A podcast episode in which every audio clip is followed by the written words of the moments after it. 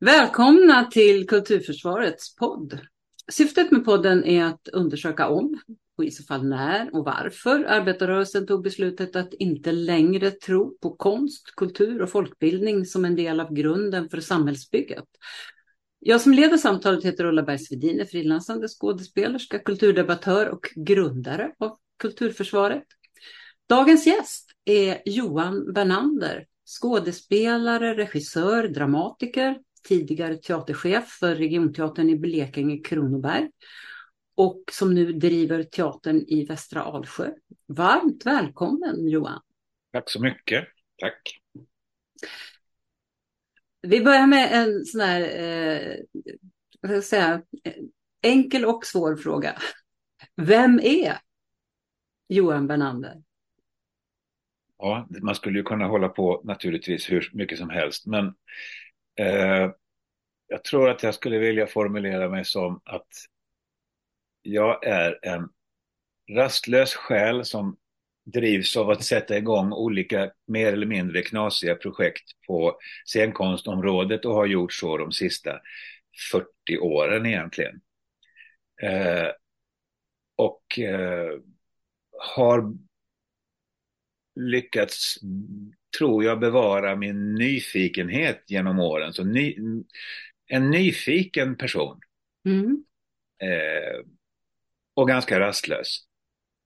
Så det blir mycket igångsättning och oftast genomförande men eh, eh, ja, det är både och. Jag är hyfsad på både och men jag, jag, det brinner ju idéer hela tiden i huvudet. Okej, okay. och om vi eh, backar, eh, inte, inte 40 år kanske, men eh, åtminstone 35 eller så, till, till den lilla Johan då. Vad, hur, hur var det då? Vad, hur kom liksom det här eh, intresset och den här personligheten till? Jag växte ju upp på en folkhögskola. Mm. Då får vi ju backa 55 år typ. Mm. Och eh, då, då, alltså där, där odlades den här nyfikenheten. Jag smög ju in och gick på föreläsningar och filmvisningar som var jättebarnförbjudna och satt under bord och smygtittade och hade vuxna kompisar och hörde samtalet. Och, mm. eh, mitt första sommarjobb var att hjälpa min pappa att katalogisera böcker i skolbiblioteket och sånt där. Mm. Så att, nej, det har funnits hela mitt liv. Vad, vad, vad, vad, var det som du liksom, eh, vad var det som du tänkte var intressant med teater? Uh, det, första, det började ju med att jag fick vara med i ett par sådana här skoluppsättningar som med, leda en kamel, mm. eh, den här säckvävskamel. Men för mig blev den här, den blev verklig när det blev föreställning. Var den på riktigt. Och det mm. där ögonblicket tror jag har betytt jättemycket för mig. För jag blev skiträdd. Aha. Men, men eh, det här att det var lika verkligt som verkligheten. Och den där förflyttningen, den var spännande. Och den har jag nog velat åstadkomma sen i resten av mitt liv, lite grann. Sen var det väl egentligen faktiskt något senare när jag gick på eh, måste varit på mellanstadiet när Växjöensemblen eh, bildades och jag såg ju då Staffan Götes för tidigaste pjäser och sånt där på mm. skolan. Och jag minns inte minst en pjäs av Staffan Westerberg tror jag som heter Anna Panna Kalle Valle Vanna. Mm. Som, när jag gick i femman eller sexan. Som var väldigt sådär samhällskritisk och jag fick liksom försvara den då mot eh, eh fröknar och skola som tyckte att det var eh, vänstervridet och jag liksom brann av försvarslust och tyckte det här var fantastiskt. Det, så att det, det, var, det var en kick också att det fanns en länsteater så nära som man hade kontakt med och såg flera gånger om året. Det var ju väldigt viktigt. Gick, ni gick dit med skolan alltså? Ja, eller de kom väl till skolan. Och... De kom till skolan, ja. ja. Jag minns inte exakt eh, förutsättningarna för det, men jag minns ögonblick av flera föreställningar från tidigt 70-tal. Ja. Ja. Och inte anade du att du skulle möta åtminstone Staffan Göte senare? Nej.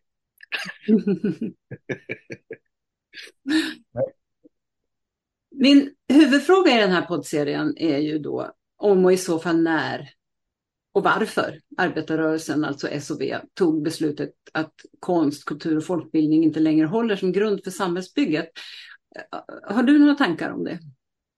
Det är en jättekomplic- på ett sätt en jättekomplicerad fråga eftersom det finns ju en gammal, finns, som jag ser det så eller som jag har läst mig till då, så fanns det ju en tidig motsättning. Alltså, Ivar Lo skriver om att arbetarförfattarna på 10 och 20-talet hade svårt att få skriva i arbetarpressen. Mm. Därför att man var tvungen att ha studentexamen. De fick skriva i de borgerliga tidningarna. Så att förhållandet mellan framförallt S och arbetarrörelsen och kulturen har alltid varit liksom sådär lite knepigt. Och när, när det börjar bli, gå mot egna erfarenheter, alltså på 70-talet, den här motsättningen som fanns mellan S-ledningen i Malmö och de fria, fria grupperna, där S med viss rätt såg sig så att säga attackerade från vänster. Mm. Men när det innebar då att nej men så kan vi inte ha det, vi kan inte ha fria grupper som kritiserar makten på det här sättet. Och eh, den berömda kommunalrådet där nere som utmärkte sig. Eh, så det har alltid varit komplicerat det här. Samtidigt så finns det ju andra exempel, men det finns väl kanske ingen vassare kulturpolitiker än Bengt Göransson. Mm. Som verkligen var sådär genomtänkt, grundläggande humanistisk i sina värderingar och allt sånt där. Så det, är väldigt, det går ju upp och ner. Och när man bildade de här, folk, här folkteatertankarna på 30-talet, när Riksteatern bildades och Per Lindberg och Gösta Ekman med folkteater. Eh, alltså det fanns ju någonting, det har funnits båda delarna och det måste ha funnits det måste ha varit polariserat inom arbetarrörelsen, tänker jag. Med, viss, med de som tänkte ekonomi och de som tänkte...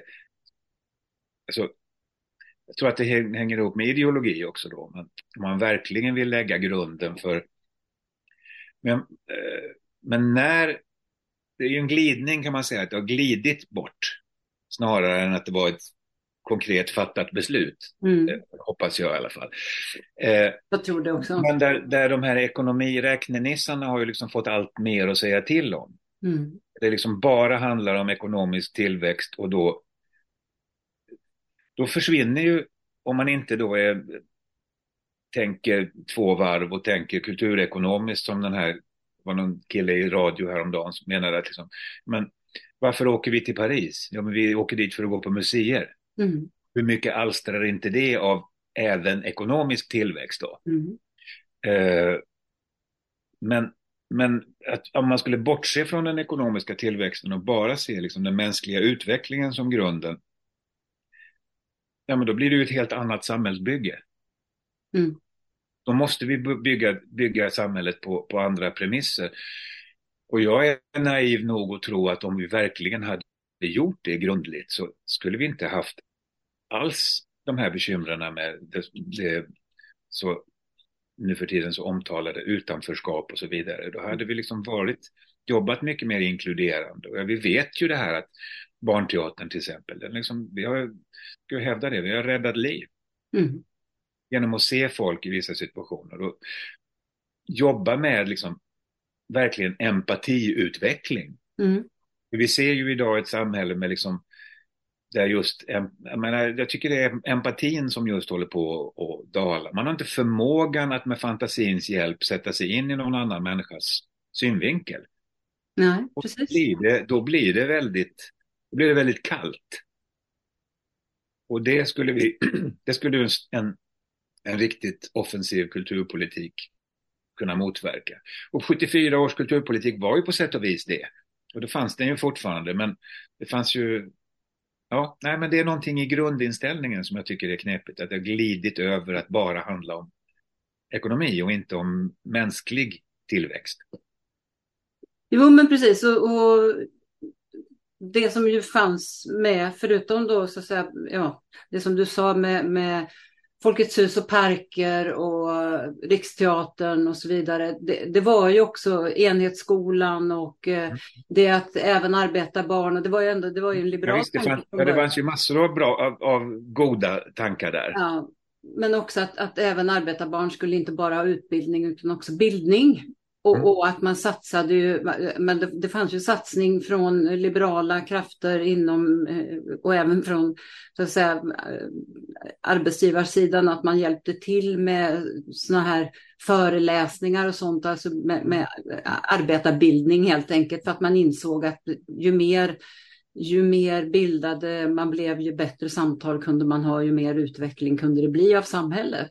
Mm. Och, och, där någonstans tänker jag att, att uh, man har tappat det från båda håll idag. Ja.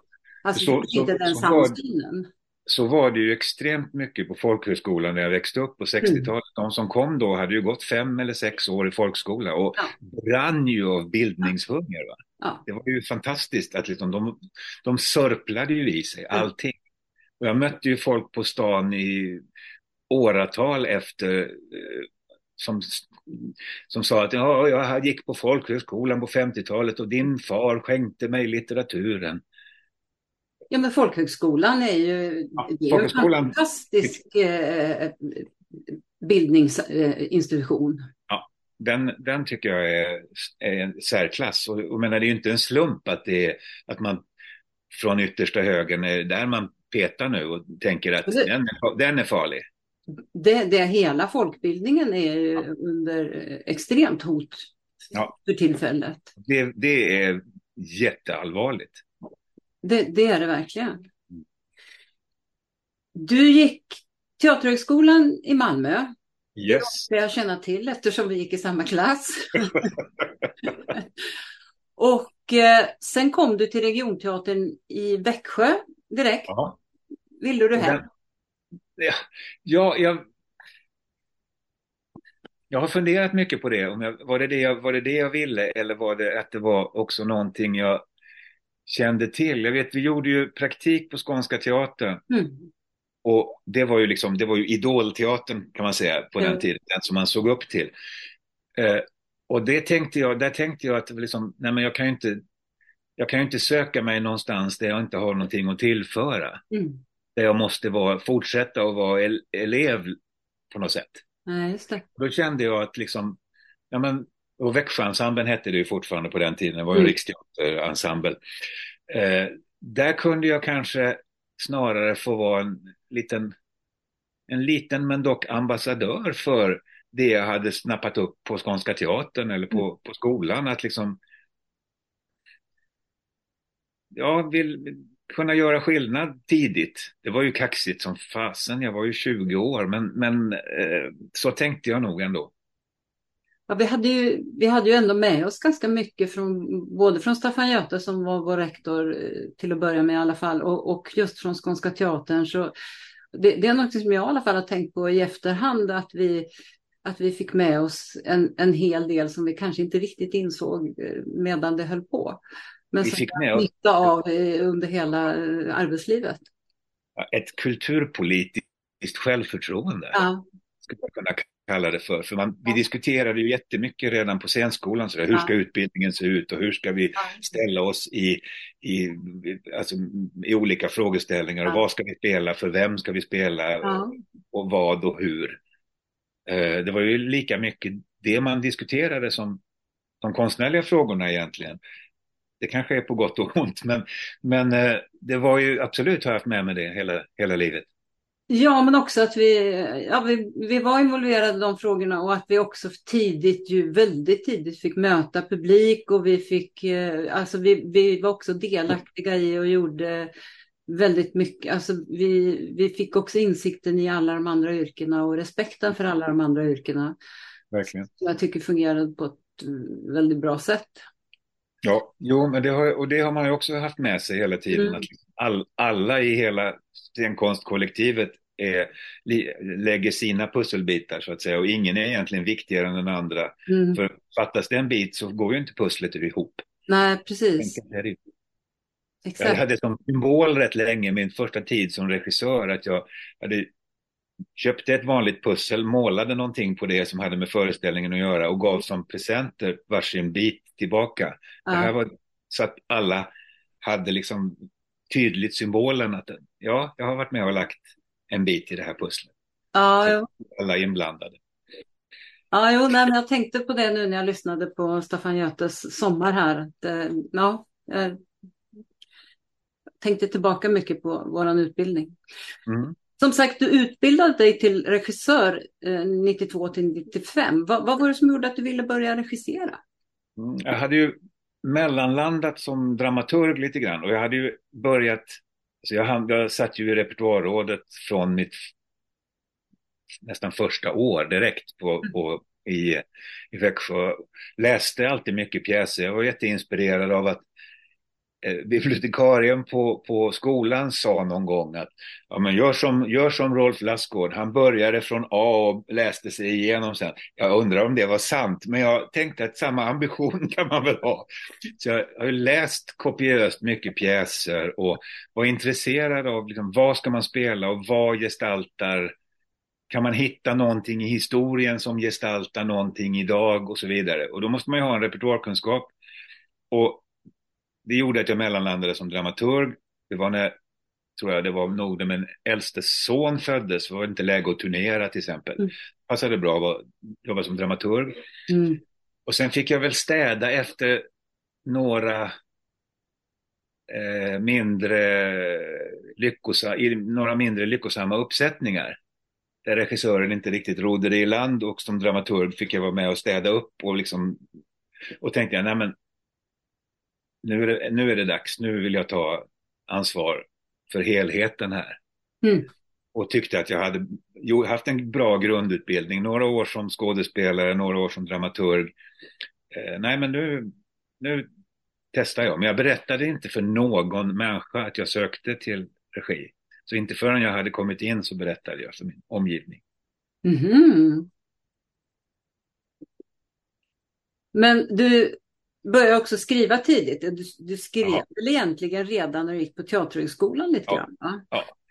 Men också i Växjö? Dikter och sånger och grejer skrev jag ju på den tiden. Ja. Jo, men jag skrev min första pjäs, men det var ju nästa vända jag var på, på när det hade blivit Kronobergsteatern, eller blivit ja. teater för Kronobergs län. Då skrev jag min första pjäs eh, som eh, handlade om Marc Chagall och hans fru som Sara Erlingsdotter satte upp där.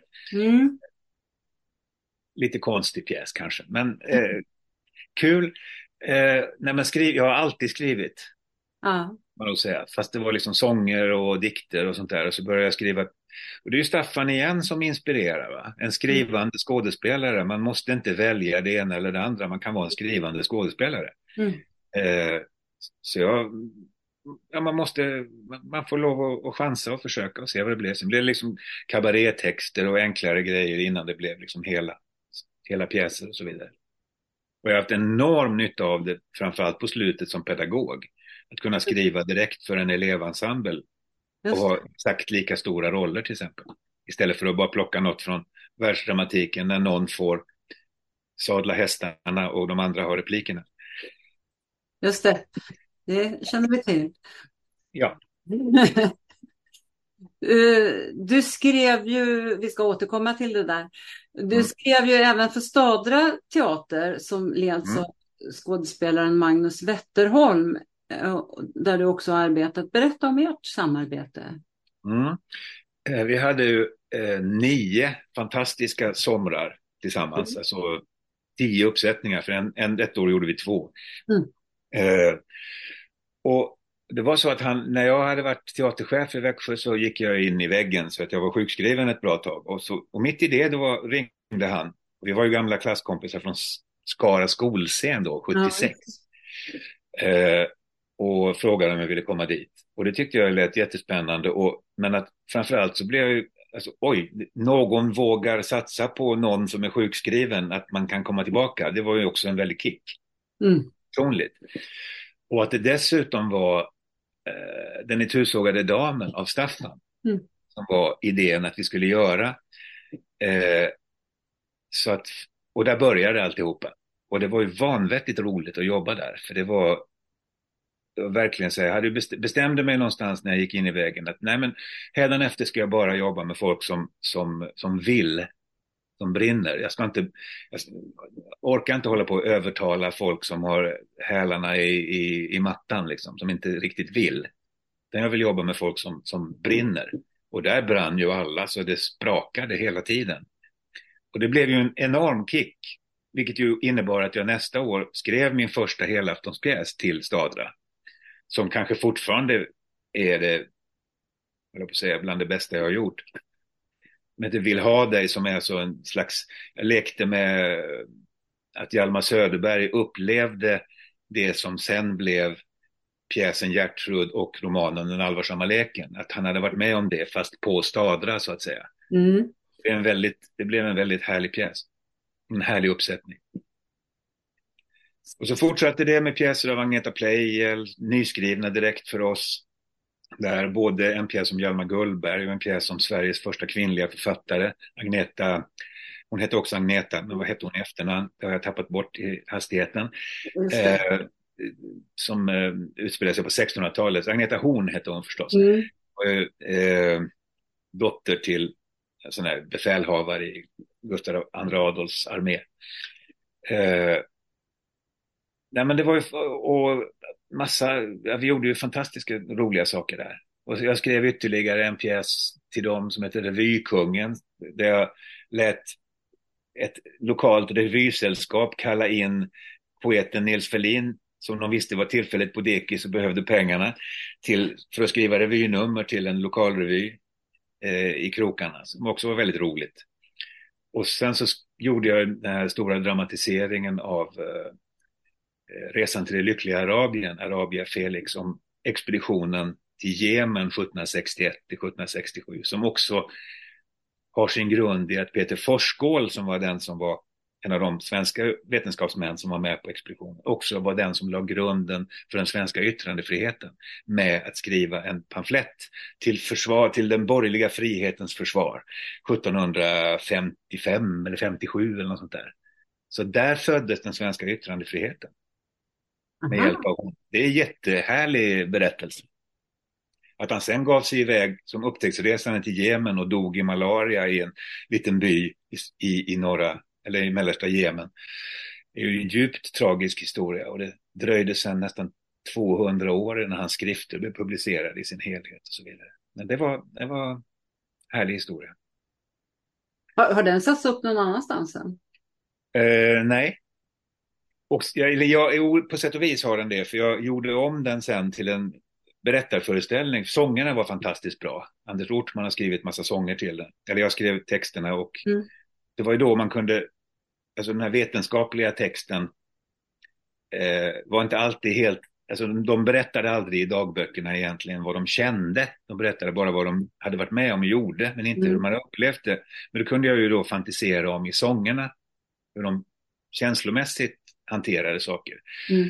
Eh, så då gjorde jag om den till en monologföreställning som jag var ute och turnerade med lite grann och spelade även här. Det var den som fick inviga min egen lilla teater här, teatern i Västra Alsjö som jag spelade som monolog. Jag var ju faktiskt ja, ja, ja, men det var det. Jag trodde det var den, för det var den jag har sett eh, din reklam för så att säga. Så att ja, nej, utan först gjorde vi den i Stadra med ja. fullt pådrag med massor ja, ja. av skådespelare och barn och eh, amatörer och allt möjligt. Alltså det var jätte, en jätteuppsättning.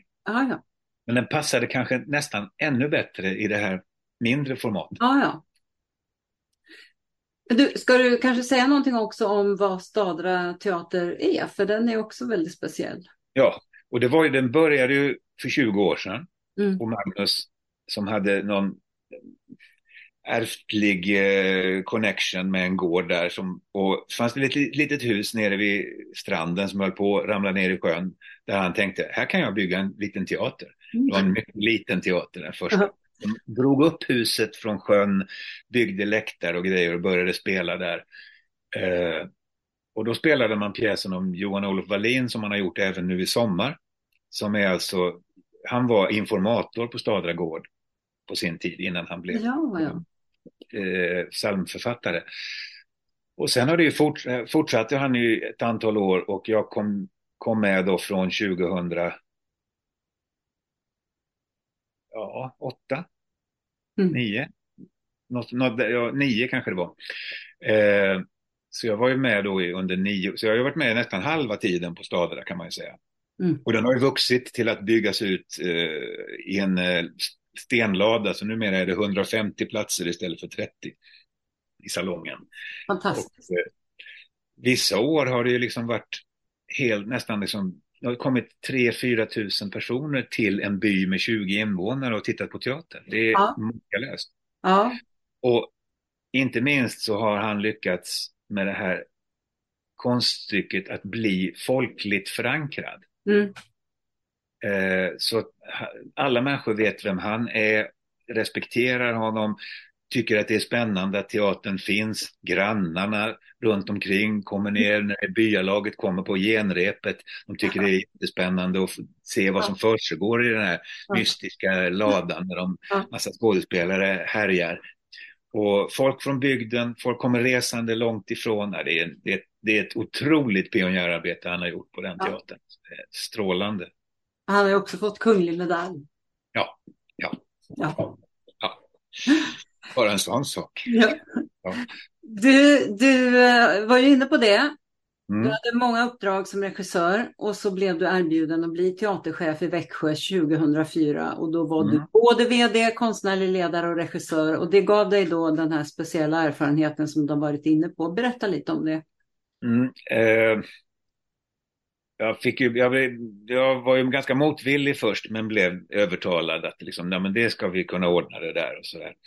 Eh, som jag, men jag ville ju då, jag var ju tillsatt på mina konstnärliga meriter. Mm. Och de som hade varit, eller den som hade varit närmast före mig, som hade varit väldigt länge, hade varit, eh, på, alltså varit teaterchef på sina så att säga ledarskapsmeriter kan man säga, kulturpolitiska meriter, men hon jobbade inte på golvet. Mm.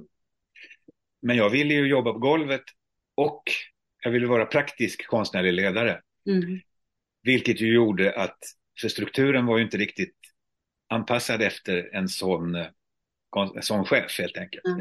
Jag, det innebar ju att jag jobbade jämt och ständigt, kopiöst. Jag var ju tvungen att gå dit sex på morgnarna och beta av mejlen och, och sånt mm. där ibland.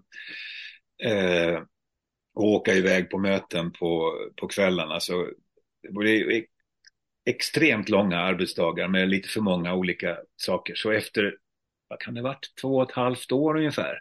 Mm. Då var det bara så svartnade det bara en dag. Jag skulle upp och slå på datorn och den, jag satte på den, och den men den var, för mig var den svart. Mm.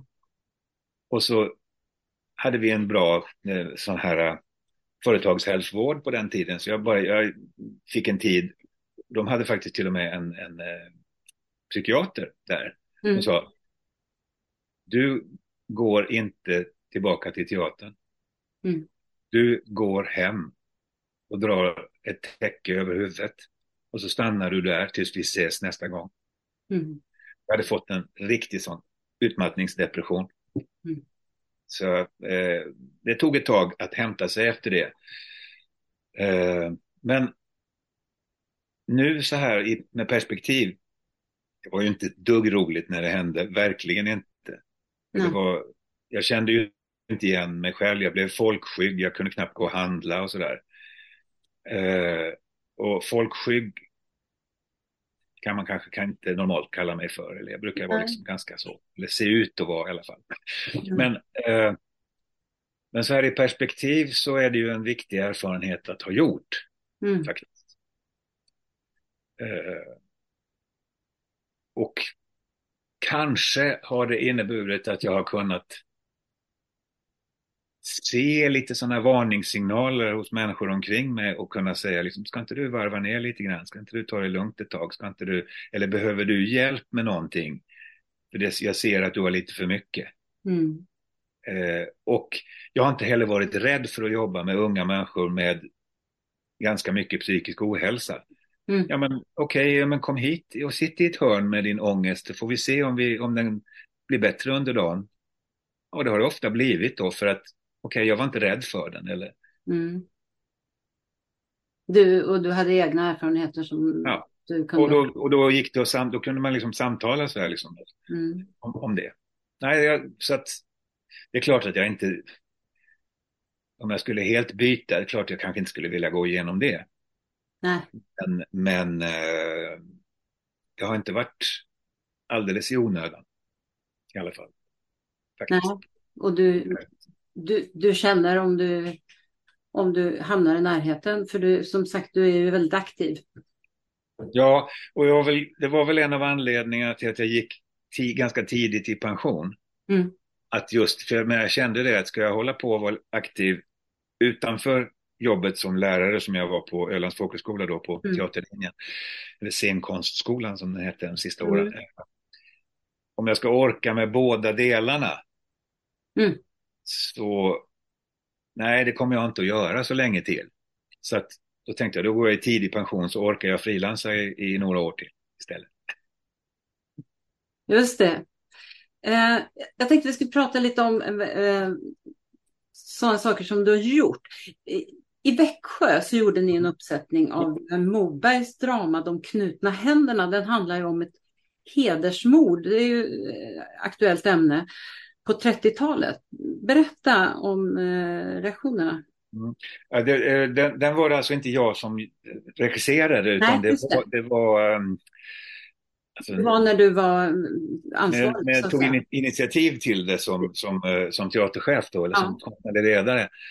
Nej, men, uh, det fanns någon intressant parallell att Sverige bara för mindre än hundra år sedan mm. Hade precis de här dragen av av klansamhälle och liksom eh, vi var på väg ut ur, eller, ut ur bondesamhället. Mm. Eh, och med samma tankemönster då att liksom vilja hålla barnen kvar för att driva gården vidare så led, leder det till att den här huvudkaraktären faktiskt eh, han, han dödar sin egen yngsta dotter när hon vill vara den sista som lämnar och åker till stan. Mm. Och den visades i någon sammanhang i en liten förening av invandrarkvinnor i, i, i Växjö. Som fullständigt förundrade var liksom att var det här i Sverige? Mm. För så kort tid sedan. Mm. Ni har varit där ni också. Mm. Och har kunnat ta er ur det på så pass kort tid. Vilket ju gav en slags, oj, mm det går att bryta sådana här mönster. Eller hur? Ja. Sen var det, jag påstår inte att det här var ett mönster i Sverige på 30-talet, absolut ja. inte. Ja. Det, men det är gestaltat i en riktig, alltså det är hans stora grekiska tragedi, De knutna mm. händerna. Det är en jätte, jättestark berättelse. Mm. Uh, och att, den, att det, det fanns den, den reaktionen var, den var lite hisnande. Mm.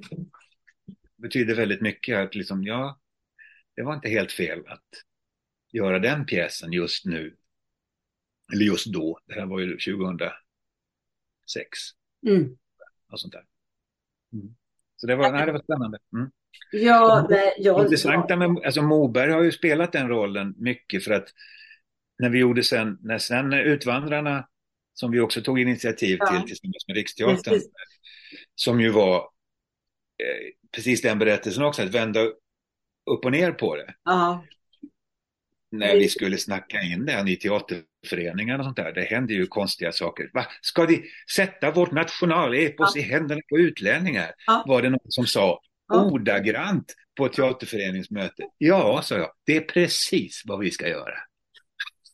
Jag tänkte precis säga det, för det är ju en av mina riktigt stora teaterupplevelser, verkligen. Eh, ja, det var en häftig uppsättning. Fantastisk. Fantastisk av, eh, iscensatt av Fernas Arbabi.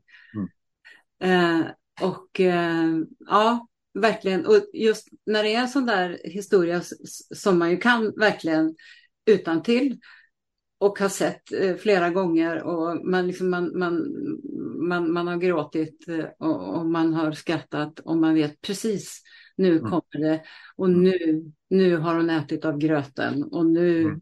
är det den här scenen och nu är det här. Och så sitter man där och man blir helt, och jag såg den ju två gånger eh, och den andra gången såg jag den med en grupp eh, där flera var nyanlända dessutom. Och mm. ja, äh, det var helt fantastiskt. Eh, den, det, det, är jag stolt över att jag var med mm. om som teaterchef och initierade. Det, det är jag mycket stolt över. Det du ska vara. Mm. Eh, och eh, sen eh, det där med att det inte är något mönster i, i, i Sverige, det, det, kan vi diskutera. Ja, det finns, det finns eh, mycket mönster i Sverige som vi mycket. inte låtsas om. Det finns starka patriarkala mönster här också, men det gör det, verkligen. Men, och apropå då eh, kvinnors liv och verklighet, vem var en Heduanna? Mm, det, var ett rejält, det var ett rejält skutt. nej, men hon, var, hon var med i en pjäs som jag gjorde, regisserade på eh, Ölands Dramatiska Teater som jag jobbat väldigt mycket med. En ja. jätteliten, otroligt ambitiös och eh, produktiv eh, frigrupp på Öland. Mm. Eh, och Anna Hammarstedt som är eh, där, hon hade skrivit en pjäs och det var strax innan de, alla de här böckerna kom om bortglömda kvinnor. Hon hade gjort den forskningen på egen hand och plockat fram, så att första manuset hade 120 bortglömda kvinnor som vi på olika sätt skulle gestalta. Och till slut var vi tvungna att liksom krympa ner det här lite grann. Men Enheduanna, det började med Enheduanna som var den första, världens första författare som satte sitt namn under något hon hade skrivit. Tidigare hade han använt kilskriften för handel och beräkning, men hon skrev någon form av poesi, en Hedovana. Enligt myten i alla fall. Om det här mm. är alldeles sant, det spelar ingen roll. Men hon berättade då Inanna-myten som är då den manliga motsvarigheten, eller kvinnliga motsvarigheten till det manliga Gilgamesh-eposet. Mm. Mm. Där det egentligen då alltid har funnits två brev, myter bredvid varandra. Mm. Men som vanligt i historien så har ju den kvinnliga tystats ner och försvunnit mm. längs vägen och vi kommer ihåg den, den manliga blicken. Men Inanna-myten är ju så att säga modergudinnan och den kvinnliga. Eh, så det var ju häftigt att hon fick vara med som liksom grund, alltså, och det här, nu pratar vi ju om 5000 år sedan. Ja, och jag hade aldrig, aldrig någonsin hört talas om det. Nej, det, alltså det finns ju de som har skrivit om det, men det har ju aldrig liksom riktigt, det har inte fått den platsen. Nej. Jag menar, Elin Wägner skriver ju till exempel om eh, det här eh, som hon hade, hon hade i hennes bokhylla, som ju råkar stå på folkhögskolan där jag mm. växte upp, mm. så finns bland annat Bachhofen eh, Die Mutterrecht, som handlar om alltså eh, forskning som skulle visa att det finns, fanns ett matriarkat som besegrades då för 3000 år sedan. Mm. Vilket är precis det som gestaltas i de grekiska dramerna. Mm. Tesevs besegrar Amazondrottningen. Eh, matriarkatet faller, Erinyerna får inte längre den platsen utan Apollon kommer och inför någon slags manlig rättsstat. Och man det det, läser man dem som att det är kampen när patriarkatet besegrar matriarkatet. Mm. De grekiska dramerna blixtrar ju då. Mm. Det är otroligt spännande att läsa dem så. Ja. Det är... Det, ju, det är ju både ifrågasatt och belagt att det har funnits det här.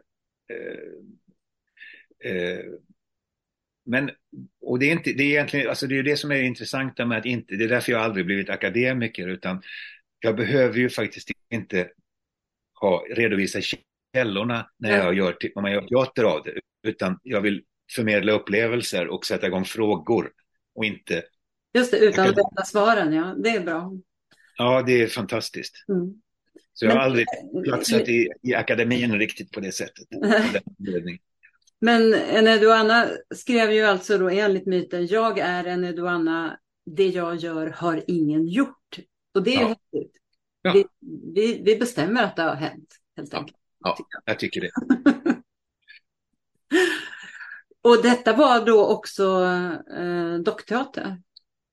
Ja, alltså blandat. Vi har, gjort, har väl utvecklat någonting på Öland, eller vi har inte utvecklat det, men vi har gått vidare i en tradition där liksom relationen mellan docka, dockspelare, skådespelare, vi mm. leker med den på mm. massa mm. olika sätt. Vi använder vad som står till buds. Ibland kan det vara en docka, ibland kan det vara ett föremål, ibland är det en skådespelare som gestaltar, ibland kan man använda, jag menar vi gestaltade någon sån här halshuggning under franska revolutionen med ett kolhuvud och mm. så vidare. Ja, men man använder det som man behöver.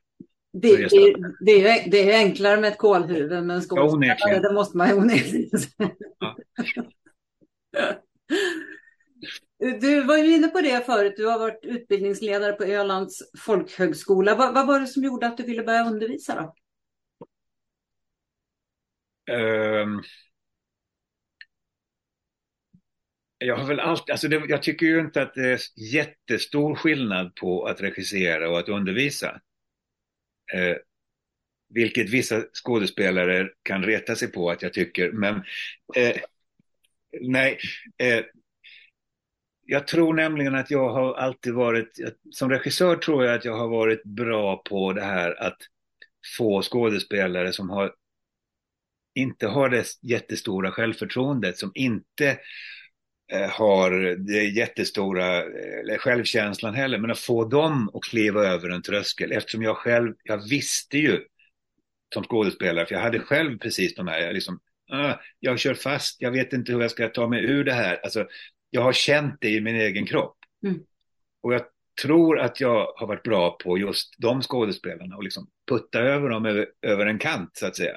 Mm. Och det är ju väldigt pedagogiskt arbete. Mm. Och att göra det då med människor i, även i början på sin skådespelarutveckling, det var på sätt och vis svårare. Men det var ju väldigt tillfredsställande att få vara med om ögonblick när liksom poletten ramlar ner, när liksom man ser att ja, men nu förstod jag det här. Mm. Nu. Och det kan vara en sån där hisnande, jag menar jag vet en kille som jag haft som elev som sen gick eh, mim, mimutbildningen och varit mimskådespelare sen. Jag vet, jag såg ögonblicket när han blev, från att ha varit lite lat och begåvad så att säga, till att han fattade vad det var att vara skådespelare. Mm. Det hände framför mina ögon när han fick en docka faktiskt. Mm och flyttade allt sitt fokus till dockan. Mm. Så att den, det var den som spelade och det var ett magiskt ögonblick. Det var hisnande bra. Och då visste jag ju att om man fått, fått vara med om det då, är det, det är, då är det väldigt kul att vara pedagog. Ja, jag, jag, jag har också undervisat en del både, både elever men också människor som bara behöver stå framför en publik i sitt jobb. Mm. Mm. Och det som jag tycker att det ger för mig själv och för min egen utveckling, det är att jag, jag behöver formulera mig. Och det gör ju att jag, jag förstår själv bättre saker som jag, som jag har lärt mig, men som jag kanske inte vet att jag har lärt mig och hur jag ska använda det. Man vet inte att man kan det, så att Nej, säga. Precis. Man, utan man, man, man måste sätta ord på hur, hur gör man det ja, här? Just precis. det, jag har aldrig tänkt på, men Just det, det, så här gör man ja. Man det, det har varit, eh, tycker jag, väldigt uh, utvecklande på det ja, sättet. Jag har lärt mig jättemycket. Verkligen, och, av att se just mm. det du beskriver, hur människor tar till saker. Så, mm. just det. Jag tror att det är därför jag har vågat kliva upp på scenen igen efter många års mm. frånvaro. Mm. Mm. Det var ju lite grann för det här att, ja men, om jag nu har kunnat lära ut till andra hur de ska bete sig så måste jag väl kunna göra någonting av det här själv också kanske. Begripa själv. Ja, eh, sen är det ju inte så enkelt. Så fort man står där så är det ju mycket svårare. oh ja, men, men, eh, men det varit... vore inte det vore det ganska tråkigt tror jag. Ja. Så det har varit kul, och, kul att kliva upp på, på, på scenen igen så här, på, på, på gamla dagar. Ja, ja och eh, som regissör och pedagog så eh, har du haft nytta av din utbildning som skådespelare. Och vad, vad är det du tänker är skillnaden mellan att vara en skådespelande regissör och en som utbildat sig till regissör enbart? Eh, ja, om man säger att man har utbildat sig till regissör utan att ha praktisk bakgrund mm. så blir det liksom så att säga uppsättningsidén mm. som blir det viktiga. Men hur man ska ta sig dit mm. Har man kanske egentligen inte så stora begrepp om. Och hur ger man plats åt skådespelaren som självständig konstnär i den processen? Mm. Som inte är till för att gestalta regissörens idé bara. Utan faktiskt lägga till någonting till den idén. Mm. Kanske till och med ifrågasätta den, bjuda motstånd till den. Mm. Eh, det är väl den stora skillnaden. Och att de flesta bra regissörer har ju en gedigen praktisk kunskap. Eh, också, eller många, många i alla fall. Mm. klart att det finns de som har gått in från det andra hållet och också blir jättebra och allting sånt där. Det är självklart. Men för mig, för mig var det liksom eh, att ha någon slags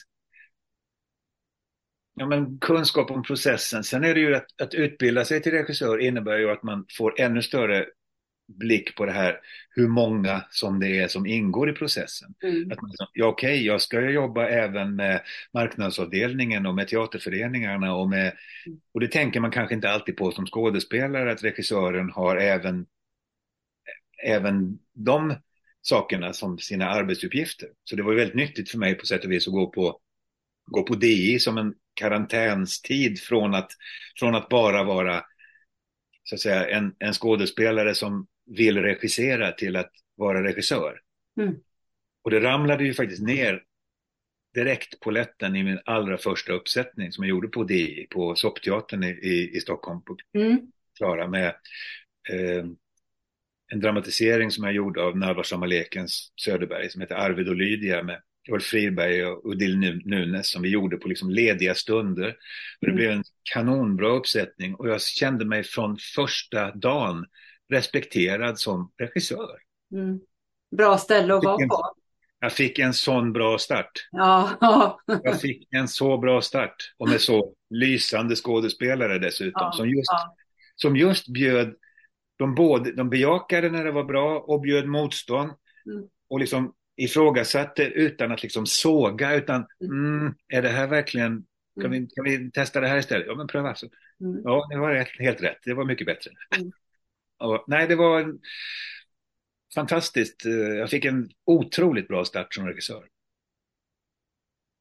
Och där har jag ju haft vanvettigt roligt, för jag tyckte ju alltid jag kom längre som regissör i förhållande till mina visioner än vad jag någonsin kom som skådespelare. Jag hade alltid en bit kvar till dit jag hade velat nå. Men som regissör har jag kommit ganska nära där flera gånger. Det har varit åh, så kul. Du sa ju det själv förut att du, du håller på med massa olika saker och du har alltid integrerat musik i ditt konstnärliga arbete. Och, och mm. Eh, du har ju då arbetat både som regissör och textförfattare med Månkören. Berätta, vad är det? Månkören är en kör som har funnits här i Kalmar ganska länge och som alltid har de har alltid velat vara en kör som inte står i långa kåpor med mm. nothäften halvvägs för ansiktet utan de har alltid sjungit utan till ja. och lagt till mer eller mindre gestaltning och det där har vi utvecklat de senaste åren att liksom den kollektiva gestaltningen. Jag mm. menar, när 36 personer gör ett mycket litet sceneri samtidigt, det är en väldigt stor och härlig eh, upplevelse. Så mm. det har varit väldigt kul och också få folk som de inte alls är vana vid att gestalta, bara tänka det här, men vad, vad, vad, är, det vi, vad är det vi säger? Mm. Betyder det just i det här ögonblicket, vändpunkten, mm. vad får den för effekt på oss? Det blir lätt att man bara sjunger rakt upp och ner. Så vi, ska vara, vi, ska, vi är en kör som ska vara roliga att titta på och att lyssna på, men det ska vara väldigt roligt att titta på också. Så det har varit ett fantastiskt samarbete med Thomas Hertzman som är konstnärlig ledare, musikalisk ledare där. Och vi har jobbat ihop i massa olika saker de senaste tio åren nu faktiskt. Waits. Jag hade längtat efter att sjunga i kör för att ja. jag, men som frilansare går det ju inte att göra Nej. det, man är borta för mycket. Det gör ju inte det, annars skulle jag också gärna ha gjort det faktiskt. Ja.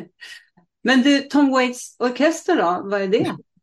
Ja, det är en orkester som vi har här i Kalmar, Öland, som eh, började som eh, eh, att vi ville, vi hade upptäckt det på varsitt håll, några, några som var med i kören och några andra, att vi hade hållit på med Tom Waits på svenska för många herrans år sedan.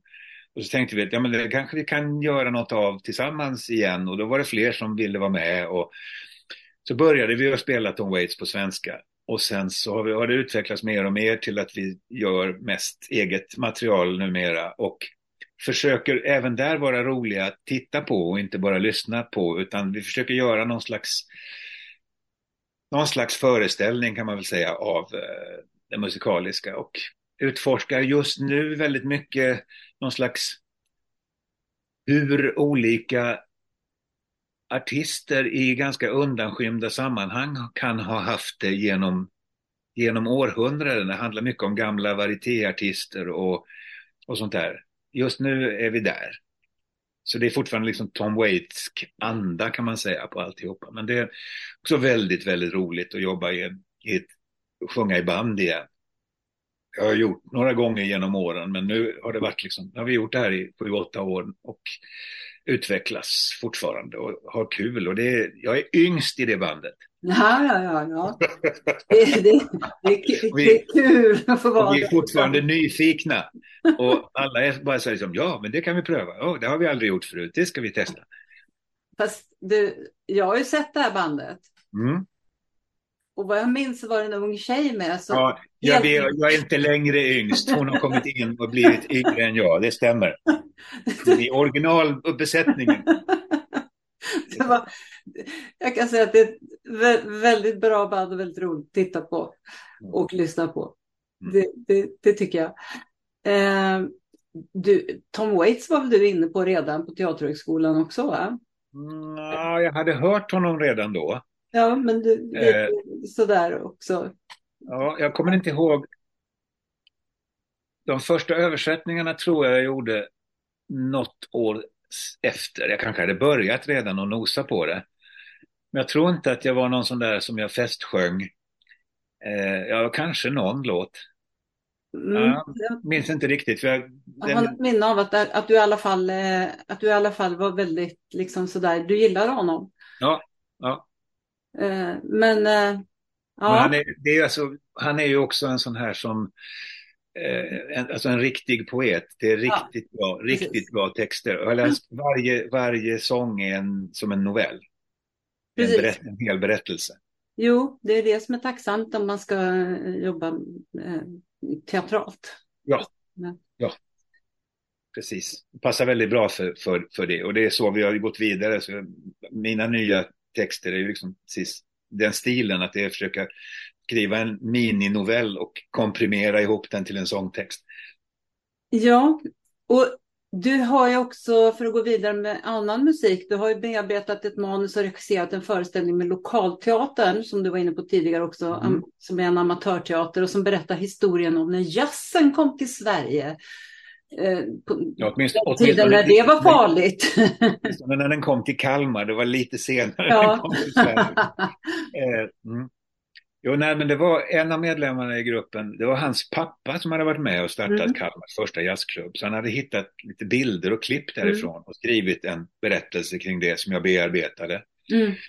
Eh, och insåg då just hur, utan att man behövde skriva folk på näsan överhuvudtaget, så var det liksom en, en ny kulturyttring som kommer och betraktas som livsfarlig och eh, som ungdomsförförande och framförallt från yttersta högerkanten och då, alltså den framväxande eh, nazistiska rörelsen som mm. faktiskt fanns i Sverige på 30-talet och ju starkt mot, bekämpade den starkt. Mm. Så den blev liksom dagsaktuell mitt i våra diskussioner om, om, om drag och sånt där här i Kalmar. Och, mm. nej, men det, fanns, det var det var lite häftigt att den, att den inte särskilt, det var inte någon jättemärkvärdig och jättedramatisk berättelse, men den fick någon slags spännande dagsaktualitet. Ja. En, kultur, en kulturpolitisk dagsaktualitet som, ja. var, som var, och vi behövde inte göra de förflyttningarna alls, de fick publiken göra helt själva så att säga, dra de slutsatserna. Utan vi berättade den som bara en, en liten, som en nästan nästan en nostalgisk berättelse från 30-talet sådär om ett litet band som lyckades få sin, sina första spelningar. Och... Mm. Jo, ja, det är väl både tacksamt och tragiskt att, att det fungerar så idag med 30-talet relaterat till. Ja, jo, nej, det är ju fasansfullt att de parallellerna ska behöva finnas. Mm. Du, du berättade när vi pratades vid tidigare om det fanns en recension i Aftonbladet och eh, det stod någonting om Louis Armstrong. Ja, jo, han, eh, han härst, som härstammande från människoätare. Mm. Sånt där. Alltså det, var, det var grava rasistiska påhopp. Mm. på svarta musiker då framförallt. Och, det var, och, och jazzen ansågs ju vara de svartas musik från mm. början. Så att, och då blev det ju liksom en, så det var rasistiska undertoner hela tiden. Ja. Du, barn och ungdomsteater är något som ligger dig varmt om hjärtat och det är något ja. som vi delar. Jag tror vi har ungefär samma förebilder.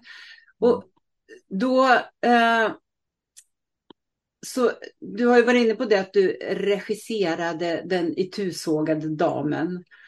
Eh, hur, hur, eh, hur var det att ta sig an en, en, en sån en sån ikonisk eh, pjäs? Det var, det var kul eftersom det var så pass långt emellan. Vi jobbade ju, nästan alla jobbade ju med den på, på mm. scenskolan på 70-talet. Ja. Aldrig jag faktiskt, då. Jag var aldrig med och jobbade med den. Men man såg ju massor av versioner. Men mm. det kändes väldigt skönt att det hade gått ganska många år emellan. Mm.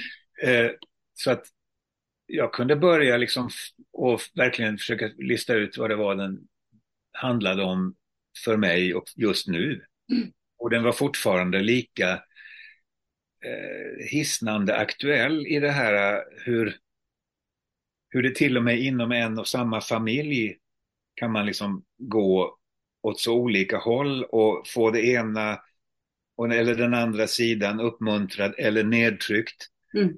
Och hur man ändå tar sig till någon slags utveckling och hur man hanterar sin brokiga familj och hur man hanterar sitt liv och vad gör man med det och hur för man det vidare? För det är ju det den slutar i den där i Tusågade damen med en av huvudpersonen som pratar om, liksom, ja nu står jag här med mina två döttrar. Den ena är liksom som sin mamma och den andra är som hennes syrra. Mm. Ja, det går, det går igen och det eviga vuxen och föräldraansvaret och samhällsansvaret. Att vad gör vi med våra barn och hur hjälper vi dem på traven? Hur låter vi bli att trycka ner dem? Hur, hur, hur låter vi dem fortsätta utvecklas och blomma? Men jag, jag tycker den, den har ju också väldigt mycket av det där med, med lekens och fantasins kraft mm, mm. I, i sig. Och, som, som ju så mycket av... Mm. Sen vad, vi gjorde ju den som mer renodlad vuxenteater kan man säga. Eller, ja. är, den, den, är ju en vuxenpjäs. Ja, det är den ju. För att den ska få med alla, alla sina, alla ja, sina olika delar. Men, ja. eh, men den är ju på något sätt den påminner ju väldigt mycket, eller den är ju skriven i, på barnteater, med barnteaterns estetik. Ja, det är det som är så härligt. Eh, ja, precis. Det här eh, som, som jag har försökt att leda i någon slags bevis. Ja, det har jag väl inte försökt, men för mig föds den barnteaterestetiken... Oj. Jo, för jag, jag, eftersom det är den här drömmens logik kan man säga. Att mm. allting är möjligt och det kan glida in och ut ur varandra mm. och man kan vara mm eh, träd i ena ögonblicket och någons farmor mm. i nästa och eh, spädbarn i det tredje och så vidare. Eh, det var ju egentligen Strindberg som började. Drömspelet är ju skriven precis så. Ja. Så när jag gjorde Drömspelet i Sundsvall så insåg ju jag vilken otrolig glädje jag hade av att ha gjort så mycket barnteater. Mm. För jag kunde ju leka med det här att liksom bara flöt och gled in i vartannat och ändå behålla det. Ja, men om överenskommelsen är rätt med publiken så kan vi göra, få, få dem med på vad som helst. Ja. Precis som i barnteatern, att man, liksom, man gör en god överenskommelse. Vad är det som gäller i den här pjäsen? Vilka ögon ska vi titta med? Ja. Då kan man få med sig folk på de mest egendomliga historier. Så, jag, så Strindbergs drömspel tror jag har spelat större roll än man har, ändå har, finns forskning på i, för svenskt barnteaterspråk. Det svenska barnteaterundret mm. har med hans eh, drömspelsteknik att göra. Det är mycket möjligt. Och jag menar, som just i Utsågade damen som, som ju är då eh, en vuxenpjäs. Men just det här att, att använda barnteatergreppet. För varje gång man gör det i vuxenpjäser så blir ju folk så himla glada. Ja, det funkar ju så otroligt bra. Det, det är som att eh, då eh, får man kontakt med sitt inre barn. Ja. Det är fortfarande, jag måste, den måste jag, det måste jag berätta om. För alltså min absolut största emotionella upplevelser på te en teaterföreställning. Ah. Det var ju när jag såg Malla handlar. Ja, ja. Den lilla pjäsen på, som Unga Riks gjorde med På biennalen såg jag den också. Ja. med en liten stråkkvartett. Ja, ja, ja. Med, man, som satsning. Och när Malla som har varit och handlat och köpt fel sak Ja. och är jätterädd för vad mormor ska säga, hon sträcker fram den här påsen och mormor tittar länge på henne och sen säger hon Tack Malla, det var rätt. Det Ja. blev rätt, Ja. fast det var fel. Jag brast i hejdlös gråt Ja, jag tror det. hela publiken gjorde det varje gång. Nej, och framförallt tydligen medelålders män var värst. Nej. Men det var den, den, den, bef, den befriade en från det här att göra rätt. Det var liksom någon slags Ja. skamlucka som Ja, ja, visst. Nej, det var en underbar upplevelse. Ja, den var så fin. Ja, Den hade, jag, den hade jag glömt bort, men tack för att du påminner mig. ja den var helt underbar. Ja, det var den. Och hon, alltså hon, eh, vad heter hon som gjorde eh, Malla? Eh, Hilda? Nej, något åt det hållet. Ja, jag minns faktiskt inte. Han är ju så kass nu för tiden. Nej, men hon fnissade ju flera år när vi stötte ihop. Hon kom ihåg det här, för det var någon sån där lite, då på DI med lite sån här eh, tjusiga människor i salongen och sånt där. Mm. Och jag satt där och... Men det var ju på en biennal. Jag såg den på en biennal. Jag kommer inte ihåg vilken biennal det var. Ja, nej, jag, jag, minns, jag minns inte riktigt var det var. Jag för mig att det var någonstans i Filmhuset. Men det kanske var helt, mitt minne kanske är helt fel. Ja, den, den spelade Ja. säkert på många sådana ställen. Ja, ja.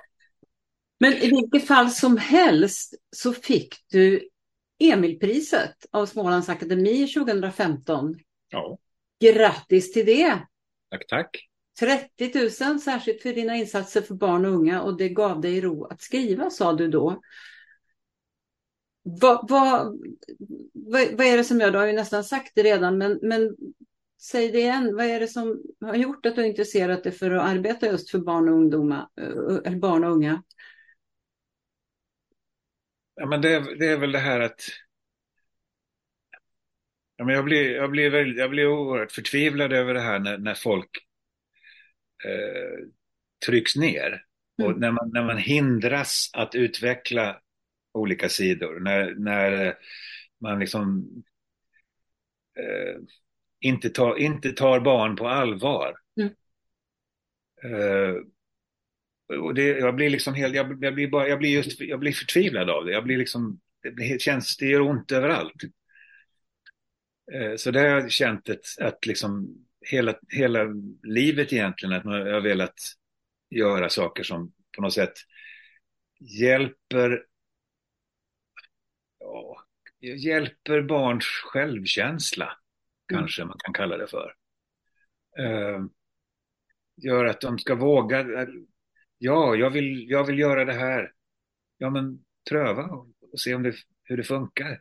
Mm. Och inte liksom, nej men just, det, det, där tror jag är en av, en av de viktiga drivkrafterna i alla fall. Sen var det ju eh, under tiden när de egna barnen var små, då var man ju liksom mycket mer inne i den här med med barnlitteraturen och hängde med mycket mer i sväng, svängarna. Jag har väl tappat bort det lite grann även om jag försöker förse barnbarnen nu med goda, goda böcker och, och, och sånt där, läsa för dem och så. Eh, men det har ju förändrats så otroligt mycket på, på, på alltså vi har, vi har ju något, vi har ju så mycket annat att slåss med Mm. nu. Eh, som håller ett annat tempo och som eh, min, ja, mina söner hjälper mig att eh, inte att se även de positiva delarna i det och inte bara tycka att det är nytt och dåligt som man lätt gör så här. Nej, men de kan peka på att nej, det här är inte alls bara dåligt. Det här kan folk använda precis på samma sätt som att du gjorde barnteater. Det gör att de vågar. De har en annan jargong. Ja, det har de. De har ett annan estetik, men de berättar faktiskt det om du tittar ordentligt. Så att jag måste, ja, det är inte så lätt, men man försö måste försöka se att det kan finnas väldigt goda avsikter med sånt som ser ut som om det är liksom, vad är detta? Ta bort mig härifrån. Mm. Men det finns ibland eh, bra nya uttryck på barnkultursidan också. Även om jag tycker någonstans att det har blivit mycket sån flams tillfällig underhållning för barn igen. Och inte, inte det här att ta dem på djupaste allvar. Inte minst därför att det finns det här trycket också av liksom förbjudna ämnen. Det är inte bara i, inte bara i USA. Nej, det, finns, det är här också det finns förbjudna ämnen. Nej, mina barn ska inte höra talas om döden. Nej, eller vad det nu är. Risken är väl att det kommer att eskalera. Eh, ja, risken är det. Och där måste vi hålla den här fanan högt, liksom, med både svensk barnlitteratur och svensk barnteater. Att, och inte, och inte liksom, alltså, vi måste vara de som vågar stå för, för det långsamma och för poesin och för det stora allvaret. Mm, det tror jag. För det, det, funkar ju fortfarande. Det är inte det som är problemet. Nej, det, det, det, är inte barnen, det är inte barnen som har problem med att prata om döden och livets svårigheter. Det är de vuxna. Verkligen panik. Mm. Brukar det vara. Ja. Du, du, du driver ju teatern i Västra Alsjö.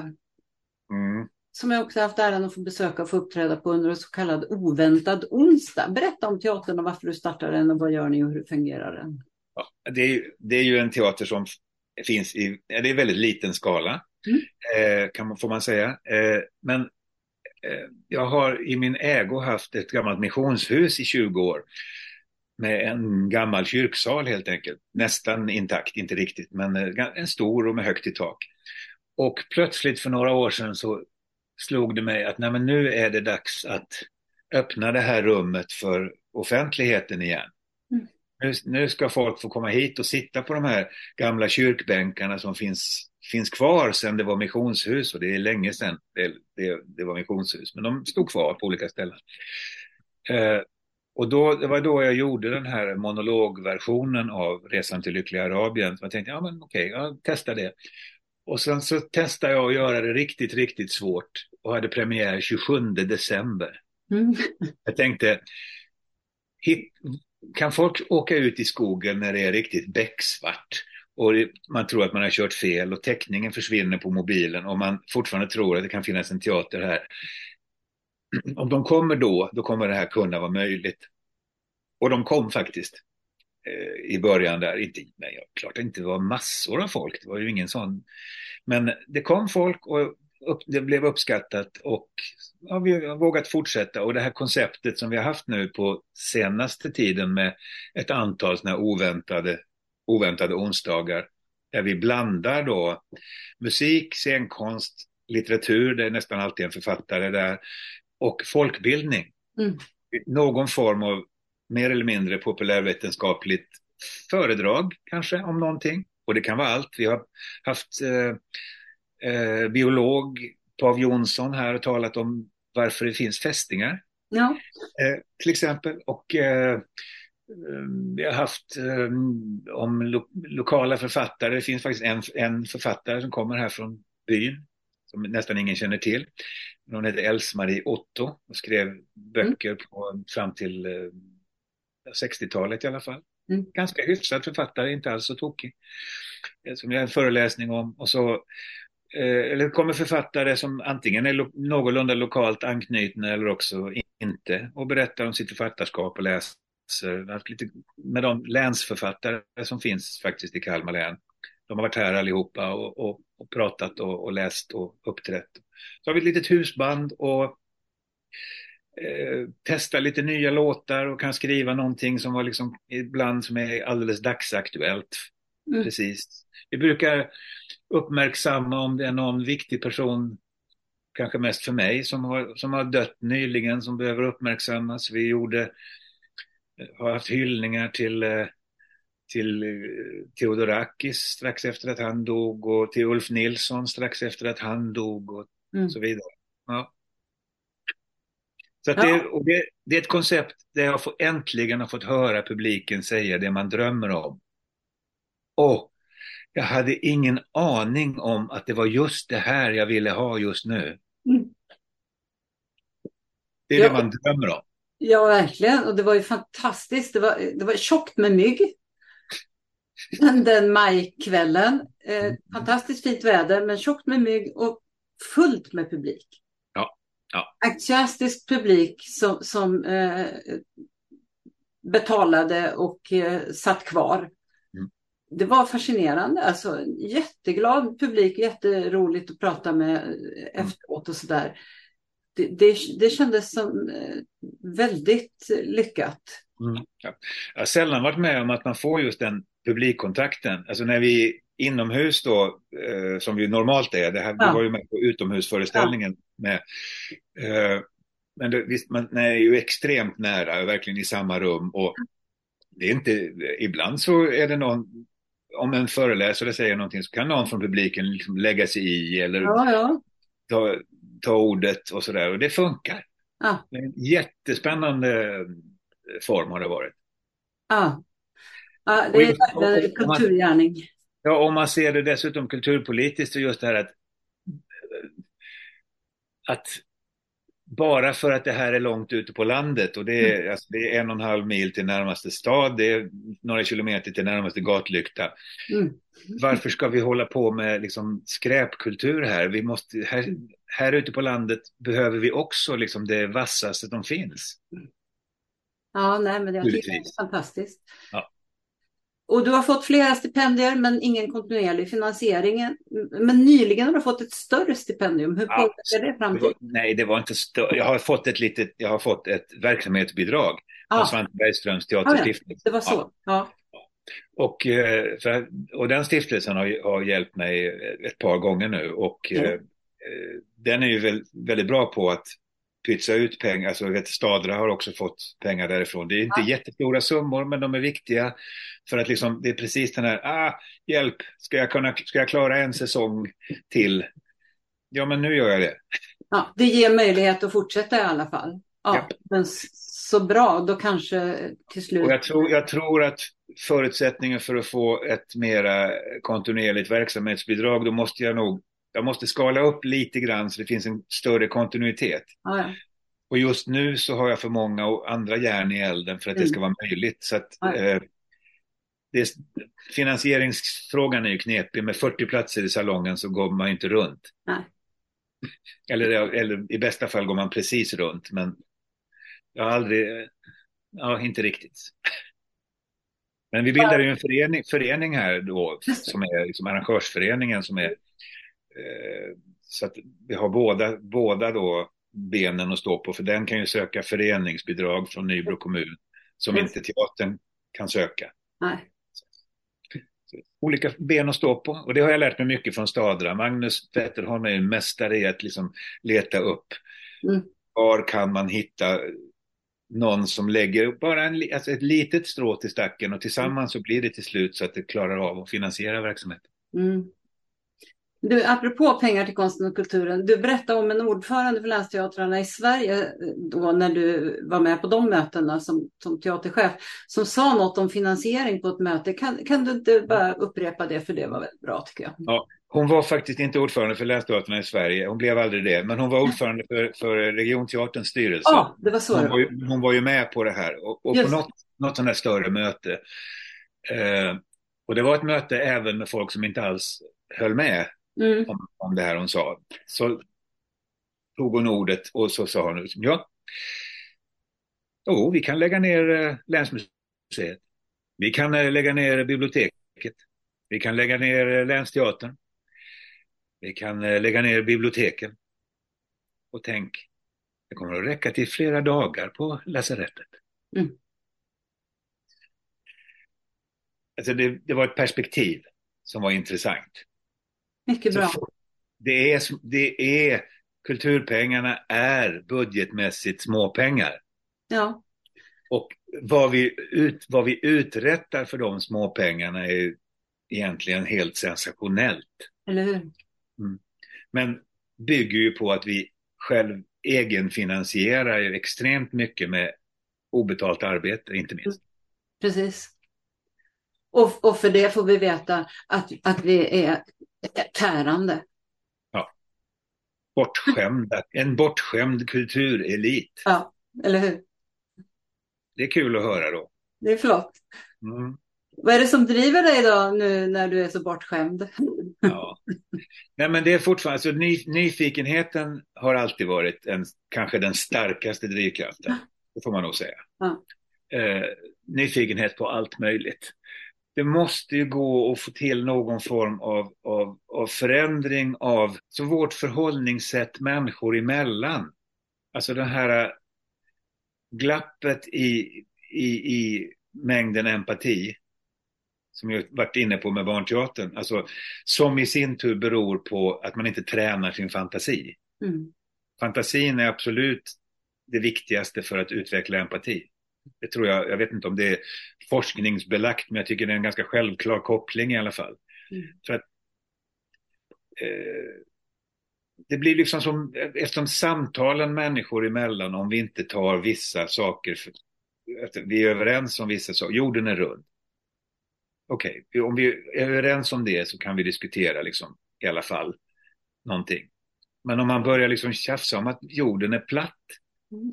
Då kan man inte prata, de kan man inte samtala med. Nej. Och det är vissa saker som behöver vara, och även om, nu ska jag, om man skulle ta min tes hela vägen så skulle jag ju försöka se, titta på världen ur perspektivet av någon som hävdar att jorden är platt. Varför, vad har de för, varför gör de det? Vad är det som har fått dem till den slutsatsen? Den, det har jag väldigt svårt att förstå just det. Men, men att träna sig i att försöka se världen från andra håll. Och där tycker jag ju att teatern är så jäkla bra på det. Mm. Att vi får se världen från massa olika håll. Och då tränar vi vår, vår empati som, även som publik. Mm. Så, måste, så, så måste det vara. Och det, det, det driver mig väldigt... För det, man, man blir... Det är lätt att bli, bli liksom... Det är lätt att bli lite beklämd över saker som, som händer. Och att försöka behålla ändå någon slags optimism i att liksom, ja, men det, går, det går att förändra, det är inte kört. Liksom. Vi kan förändra det här, hur vi beter oss mellan människor. Om vi slutar att ha så jäkla dåliga manliga förebilder så kanske då, och att liksom, varför ska det vara varför ska man ha Porsche och en klocka för flera hundratusen? Vad är det för någonting att sträva efter i världen? Eh, häromdagen var ett radioprogram som handlade om Elon Musk som är världens rikaste man men också kanske världens olyckligaste man. Mm. han är ju, helt, han är ju livrädd för allting. Mm. Det går åt skogen. Man är bara livrädd och mår tydligen jättedåligt. Va? Mm. Men det är fel, vi har fel förebilder. Vi måste bygga nya förebilder. Jag, liksom, jag kan skämmas över hur män, inte minst, beter sig. Och det vill jag också försöka se om det går att vara någon vettig man. Ja, det är också viktigt. Mm. Eh, du, du är ju egentligen inne på den avslutande frågan som eh, är, tror du att det är möjligt att få till ett samtal om huruvida konst, kultur och folkbildning faktiskt fortfarande håller som ett av fundamenten för ett gott samhälle? Det är jag helt, helt övertygad om. Mm. Så jag skulle påstå att det samtalet förs redan på varenda folkhögskola i Sverige, mm. Mm. till exempel. Så skulle vi låta det, de ringarna på vattnet röra sig. Och där kan man inte ens, och där finns det ju dessutom ingen att beskylla för att vara bortskämd kulturelit. Mm. Det är unga människor som liksom eh, fått syn på saker och diskuterar liksom hur, hur, vad är det goda livet? Mm. Hur ser det ut? Mm. Eh, och det är ju det vi måste ställa frågorna från ett nytt håll. Som man gjorde förr i världen kan man säga. Inte, jag inte längtar inte tillbaka till något mm. annat. En frågeställning att hur ser det goda livet ut? Mm. Och sen reder man ut det. Mm. Okej, okay, nu ska vi lösa finansieringen av det. Mm. Istället för hur mycket pengar har vi? Mm. Vi börjar i fel ände hela tiden. Mm. Vi måste börja med att bygga vad, hur ser det goda livet ut? Det är ju egentligen den frågan vi måste ställa oss. Mm. Och vad behöver vi kanske utöver pengar också för att... Ja. Ja. Vi, måste ju, alltså det, vi behöver ju vidga våra, våra mm. tankebanor, tankemönster. Vi måste ju ut ur, ut ur skygglapparna och liksom se, leta efter, jag menar jag har ju, det har jag varit lite besatt av att leta efter någon slags goda exempel. Jag, jag är lite allergisk mot den här liksom hämnddramaturgin som finns i populärkulturen. Jag har alltid letat efter berättelser som, där så att säga, en god handling är det som är fabelvändpunkten. Mm. Eh, vilket är svårare än man kan tro att leta efter, för det är mycket lättare att hitta liksom, ond, bråd död eller hämnd eller något sånt där som drivkraft. Men att leta efter det, det andra, för då det blir en intressant perspektivförskjutning i det. Mm. Ja, den goda handlingen kan förändra världen. Mm. Wow! Mm. Ja, det kan den faktiskt. Mm. Och ja, Man får kämpa lite för att fortsätta vara optimist, men jag hoppas att det går att hålla i det. Väldigt bra slutord. Stort tack Johan för tack ska att du. Ha. Tack. Och tack för att ni lyssnade. Och den som vill veta mer om kulturförsvaret, de kommande poddar, kan gå in på kulturförsvaret.se och där poddar finns. Och poddarna hittar ni på sidan. Och där poddar finns, vill ni gå med i vår Facebookgrupp så är det bara att gå in och ansöka om medlemskap. Gruppen är öppen för alla som är intresserade av konst och kultur och som tycker att det är viktigt att konst och kultur och fri press och media diskuteras på samma villkor som andra politikområden. Tack och på återhörande.